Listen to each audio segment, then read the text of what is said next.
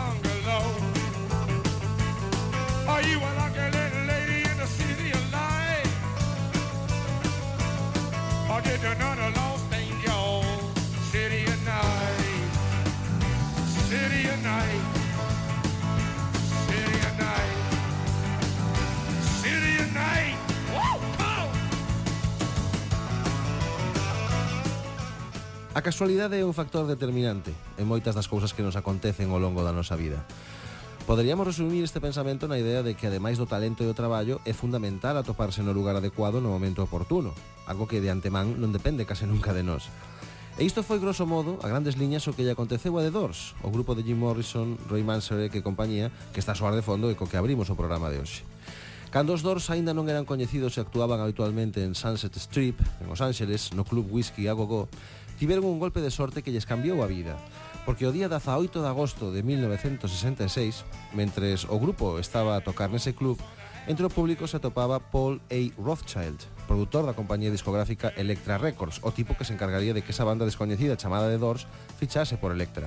Un home que, por certo, remataría producindo todos os álbums de The Doors, salvo o derradeiro, Ellie Woman.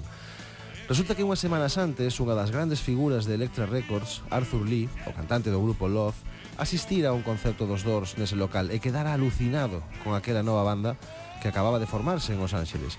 Gustaronlle tanto aqueles tipos que colleu e foi ver o presidente da compañía, Jack Holzman, para que o acompañase unha noite a ese mesmo local e vir en directo a aqueles rapaces. O 10 de agosto dese ano, 1966, Arthur Lee e Jack Holzman acudían a unha actuación dos Doors no Whisky a Go Go. O día seguinte, Hosman comentoulle ao produtor Paul A. Rothschild o que vira a noite anterior naquel club. E unha semana máis tarde, Rothschild quixo comprobalo por si sí mesmo. Esa mesma noite, o 18 de agosto, despois de baixar do escenario, Jack Hosman achegouse a Jim Morrison e os demais membros de The Doors e ofreceulles un contrato para publicar un disco coa súa compañía discográfica. E o resto é historia do rock and roll if they say I never loved you. You know they are a liar. A casualidade funciona dun xeito case místico ás veces e pode ser definitiva para a túa carreira profesional, como lle aconteceu a Morrison, ou poder rematar nunha sinxela anécdota, como aconteceu, por exemplo, no show que houbo despois do partido dos All Stars eh, da NBA no ano 2019. Todos os invitados e os xogadores e a xente VIP eh, se atopaban nunha zona exclusiva despois do partido asistindo ao concerto que ofrecía para tan distinguido público o afamado grupo The Killers e no medio dunha canción Brandon Flowers, o cantante de The Killers dixo no micrófono dirixíndose ao exxogador Charles Barkley Nunca pensei que tocaría para Charles Barkley aquí. Charles chamouno dende o escenario Eu limpei os teus paus de golf en Las Vegas, Nevada, hai 16 anos. Déchesme unha propina de 5 dólares. Estivo ben, poderías darme 10 ou 20 dólares, pero déchesme 5. E dixéchesme, grazas, pequeno amigo. E eu fun moi feliz por iso. E leveime iso comigo. O que son as cousas, eh? Un día estás a traballar nun club de golf limpando os paus de Charles Barkley, por exemplo, e unha década e media máis tarde é Charles Barkley o que está a asistir a un dos teus concertos porque en algún momento do camiño Formaches unha das bandas máis exitosas do rock alternativo dos últimos tempos e ti recordas a a través do teu micro no medio e medio dunha canción. Que casualidades tan fermosas ten a vida, eh? Mr.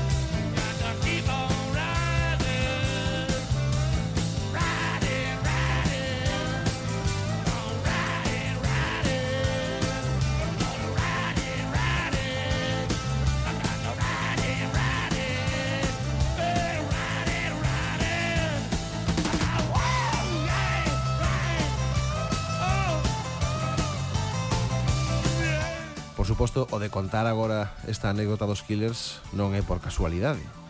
Xa sabedes que aquí non damos puntadas en no. Se recuperei esta historia sobre a casualidade dos killers con Charles Barkley é porque, como lles aconteceu os dors, tamén de killers chegaron ata onde chegaron debido a que, ademais de talento e traballo, tiveron un fenomenal golpe de sorte cando se atopaban no lugar adecuado no momento oportuno. E a esa historia de casualidade e éxito é a que lle imos dedicar o programa de hoxe a historia de como The Killers pasaron de ser un grupo que tocaba en bares de Las Vegas a converterse na gran banda de moda no Reino Unido e máis tarde en Estados Unidos e no mundo enteiro case da noite a mañá. E todo grazas, en gran medida, ao azar. Xa veredes, quedade con nós porque penso que a historia promete. Eu son Manuel de Lorenzo e aquí comeza Cara B. Cara B.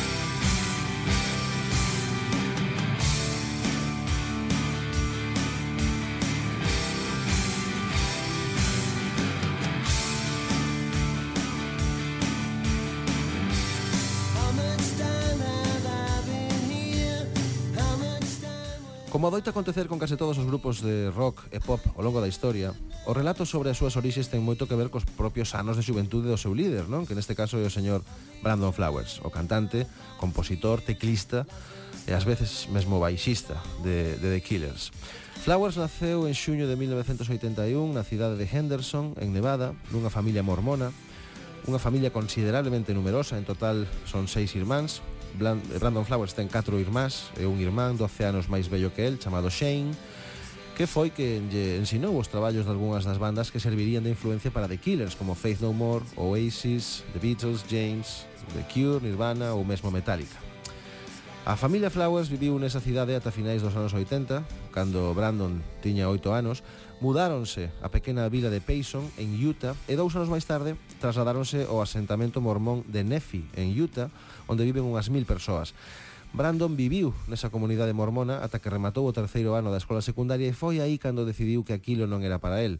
Colleu as súas cousas, deixou ali a súa familia e mudouse cunha tía súa para rematar o bacharelato en 1999 e quedarse a vivir en Las Vegas.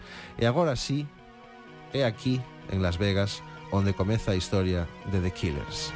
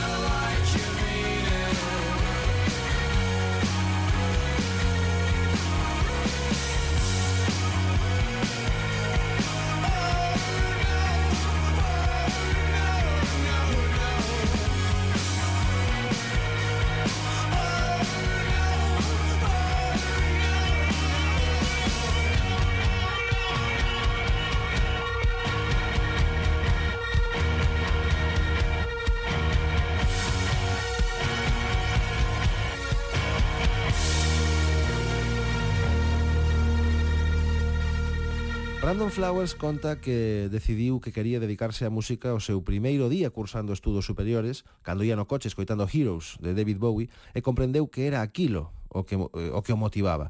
Así que cambiou de trayectoria, cambiou a trayectoria da súa vida e tomou a decisión de centrarse na música, entrando a formar parte dun grupo de pop electrónico, concretamente de sintetizadores, synth pop, un grupo chamado Blush Response, Tamén el traballaba limpando ventás e fregando pratos ou facendo o que lle mandaban no Gold Coast Hotel and Casino e tamén, como dixen, nun club de golf. Os demais membros da súa banda, Blast Response, consideraron que o único xeito de ter éxito era mudándose eh, os Ángeles Pero Brandon non estaba disposto a deixar o seu traballo nin quería abandonar Las Vegas, así que foi despedido e os seus compañeiros de banda marcharon sen el a triunfar a California, forzando un pouco a casualidade que nunca chegou. E foi entón, no ano 2001, despois de asistir a un concerto de Oasis no Hard Rock Hotel, cando comprendeu que o seu futuro pasaba por formar a súa propia banda de rock. Quedou tan impresionado pola actuación dos irmáns Gallagher e compañía que comezou a buscar músicos para dar forma ao seu propio proxecto. Houbo diferentes formacións, claro, antes de chegar á aliñación definitiva de The Killers, houbo de feito outros nomes para a banda, agora vos conto, pero as pezas xa comezaban a encaixar.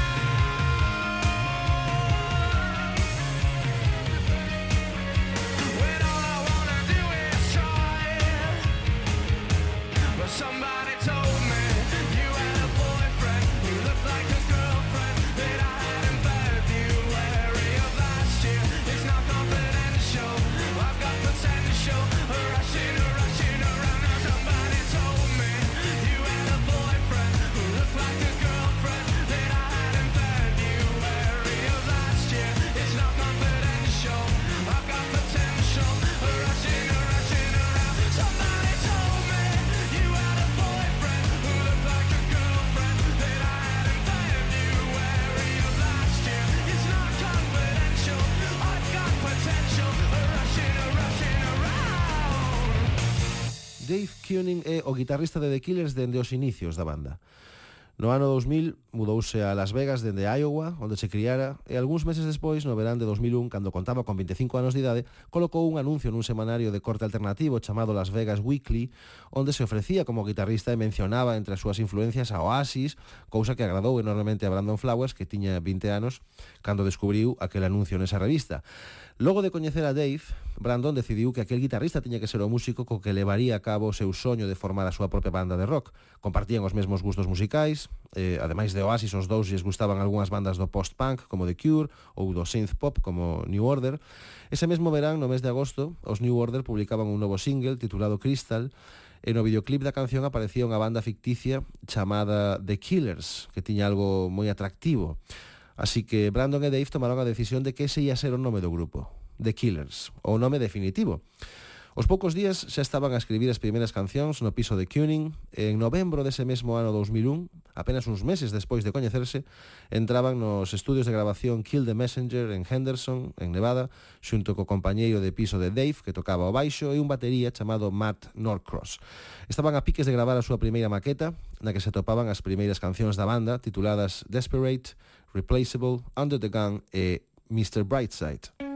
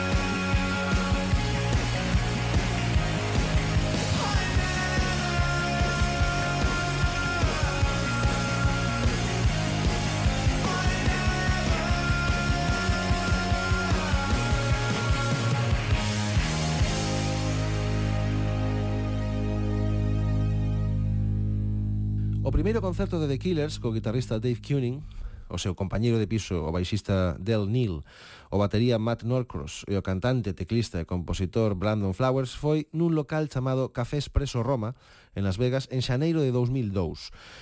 Foi así como o grupo comezou a tocar en diferentes clubs da cidade, onde, ademais, entregaban copias gratis da súa maqueta, claro.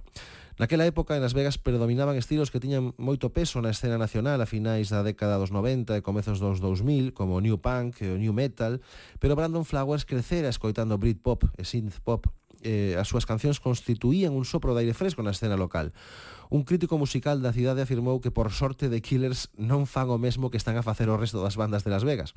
E describiu o seu son como unha mestura entre o estilo pop da música británica e a distorsión low-fi do indie rock moderno. Sen embargo, a formación definitiva de The Killers aínda estaba por chegar. O grupo non adquiría eh, non adquiriría o seu son característico ata a chegada do fenomenal batería Ronnie Vanucci Jr. e do baixista, que en realidade era guitarrista solista, Mark Stormer, responsables da formidable base rítmica de The Killers, non tan recoñecible en todas as súas cancións.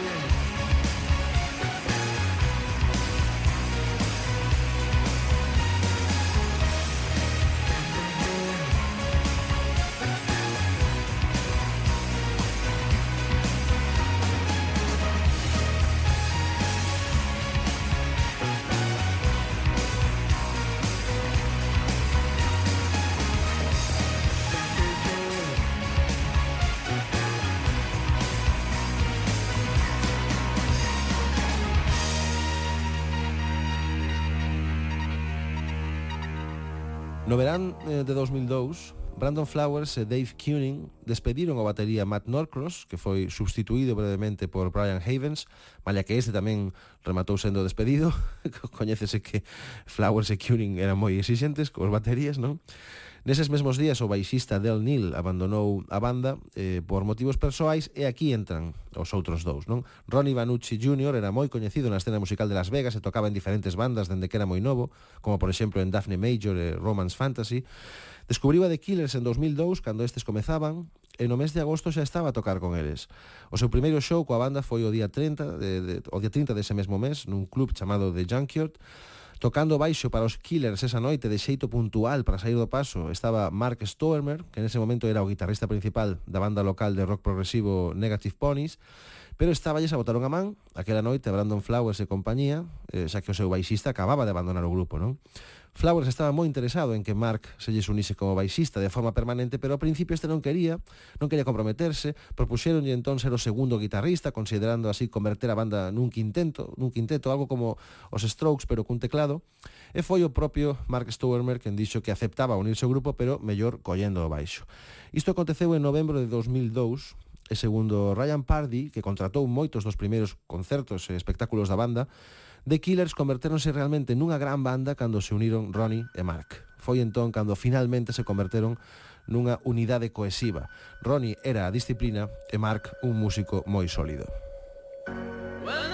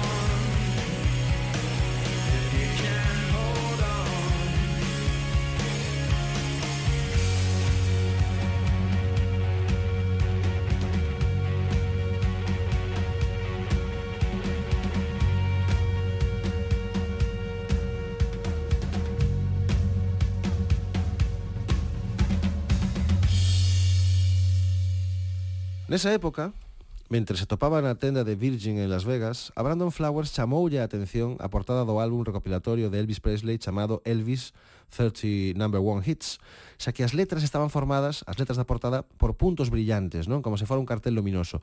E isto deulle inspiración para o logotipo da banda que sería precisamente o nome de The Killers escrito con puntos redondos, como se tratara eh, dun cartel dun motel na estrada, non? E xa temos, polo tanto, o nome, a formación definitiva e o logo. Bastaba con sentarse a escribir un disco, case nada, non? Os catro membros reuníanse no garaxe de Banucci, de Ronnie Banucci, o batería, para traballar en ideas para cancións. Tamén ensaiaban escondidas pola noite na sala da banda da Universidade de Nevada, onde Banucci estudaba percusión clásica. E foi durante esas semanas cando o grupo escribiu case todo o material que contería despois o seu primeiro disco, Hot Fuzz, incluídos os singles Somebody Told Me e Smile Like You Mean It, que xa escoitamos hai un anaco no programa de hoxe pero a banda non remataba de despuntar. Era como se o tiveran todo, boas cancións, unha gran posta en escena, unha proposta musical moi sólida, unha imaxe ben coidada, pero non remataban de atopar a tecla correcta que había que pulsar. Eh, ou mellor non estaban a ter sorte, non? A banda continuaba tocando en pequenos locais de Las Vegas varias veces a semana, facendo algúns cartos, tocando ademais todos os domingos pola noite nun bar trans chamado Sashas, máis tarde rebautizado como Trumps, pero non acababan de atopar o xeito de sobresair ata que un día apareceu nun dos seus concertos un tipo chamado Braden Merrick que atopara a súa maqueta nun sitio web dedicado ás bandas sen contrato discográfico na área de Las Vegas. Un tipo que traballaba como cazatalentos para a compañía Warner Bros. Records e que despois daquela actuación ofreceuse a axudar a The Killers desempeñando labor de manager para lograr un contrato discográfico. Parecía que a sorte de Brandon Flowers e compañía comezaba a cambiar. ¡Oh!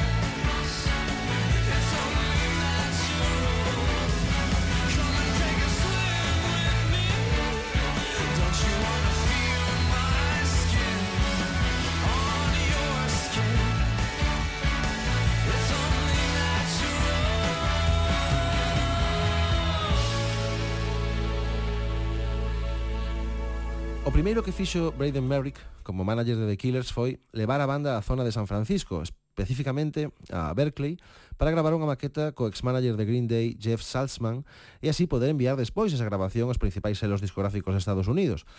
Esa sería a maqueta que obraría o milagre. ¿Mm? Merrick conseguiu que The Killers foran invitados a ofrecer varios showcases nas oficinas de distintas compañías, pero a maioría delas rexeitaban o grupo, se cadra porque o seu son era máis británico que estadounidense, non? Pero grazas ao seu traballo en Warner Bros., Merrick logrou que o grupo fora convidado ao evento Mob Fest en Chicago, e malia que a propia Warner non quedou impresionada con The Killers despois do evento, a banda si chamou a atención de Alex Gilbert, que era un cazatalentos do Reino Unido. Gilbert colleu aquela maqueta dos Killers e unha consigo ata Londres, onde lla mostrou a Ben Darling, que traballaba no recentemente formado selo independente Lizard King Records. E ali, en canto escoitaron aquela maqueta, malia que xamais viran a banda en directo ou nen sequera en persoa, ofrecéronlles, sen pensalo, un contrato discográfico. Un contrato que The Killers asinaron en xullo de 2003. E todo polas cancións que Lizard King Records atoparon naquela maqueta onde estaban Mr. Brightside, Somebody Told Me, Jenny Was a Friend of Mine e a xenial Glamorous Indie Rock and Roll que decantou definitivamente a balanza a favor da fixache dos Killers. E non me extraña.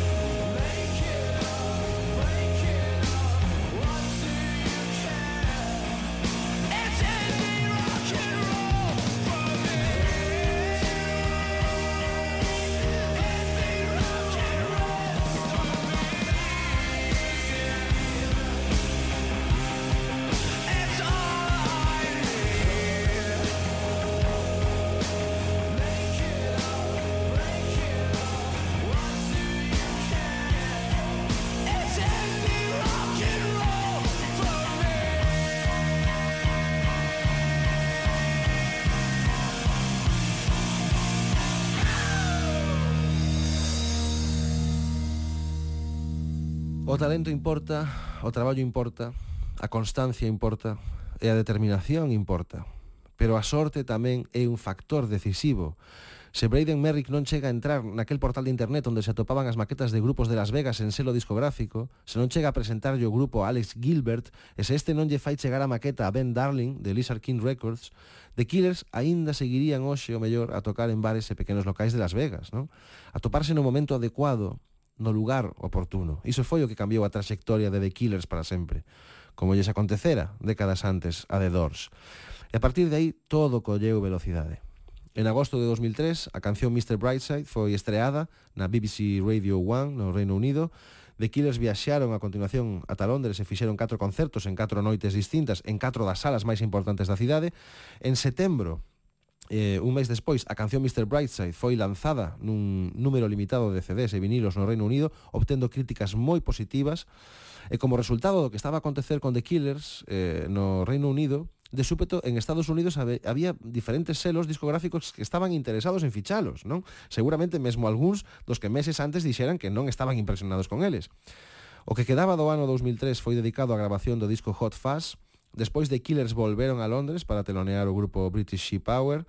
Durante a primeira parte de 2004 percorreron o Reino Unido e Estados Unidos sendo teloneiros de Stella Star. Ademais, Morrissey escolleunos para que abrisen eh, en algunhas das datas que el tiña en Estados Unidos.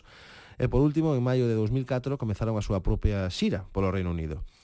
No mes de xuño lanzaron o seu álbum debut Hot Fuzz a través da discográfica Lizard King no Reino Unido e en Estados Unidos a través de Island Records.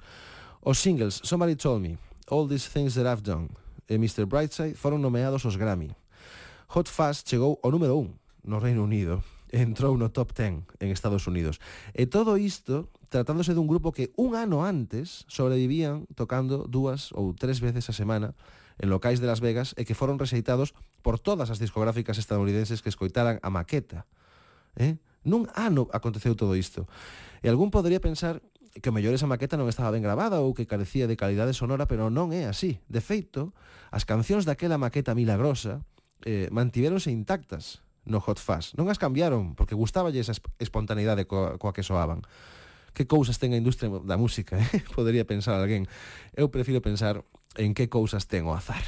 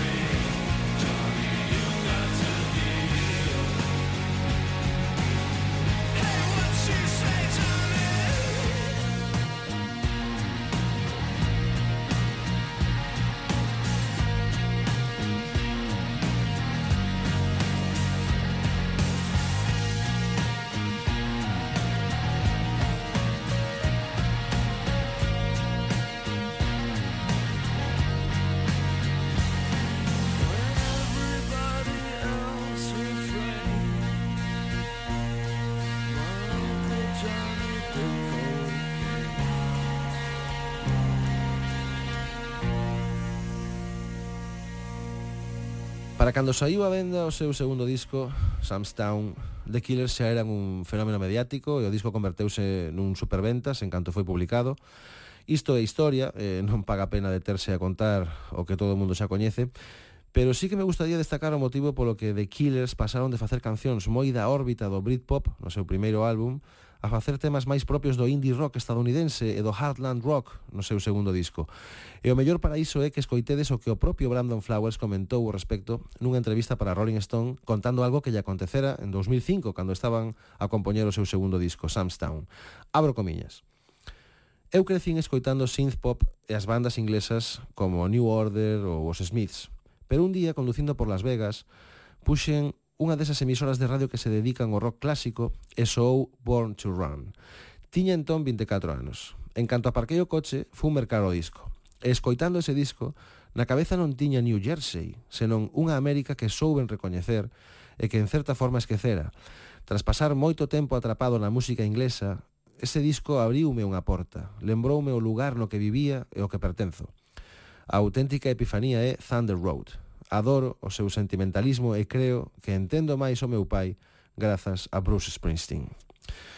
Esta outra casualidade, este outro milagre produto do azar, foi o que cambiou para sempre o son de The Killers e tamén as súas letras, non?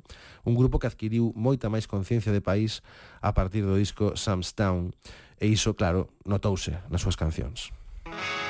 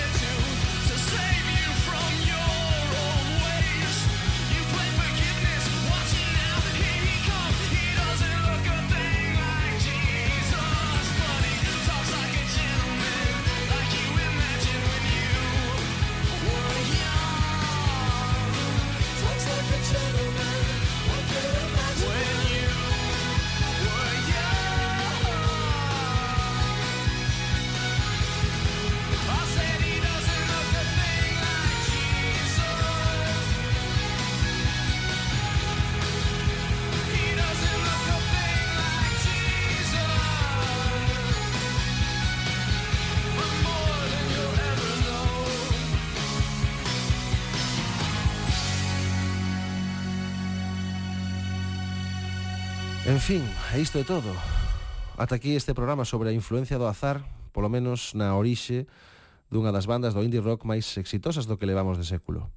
Agardo que vos gustara tanto como a nós este relato que, como sempre, tentou profundar na parte de atrás da historia da música, na parte menos coñecida, meténdonos a todos entre bambolinas para entender mellor como se forxan os mitos do rock e o pop.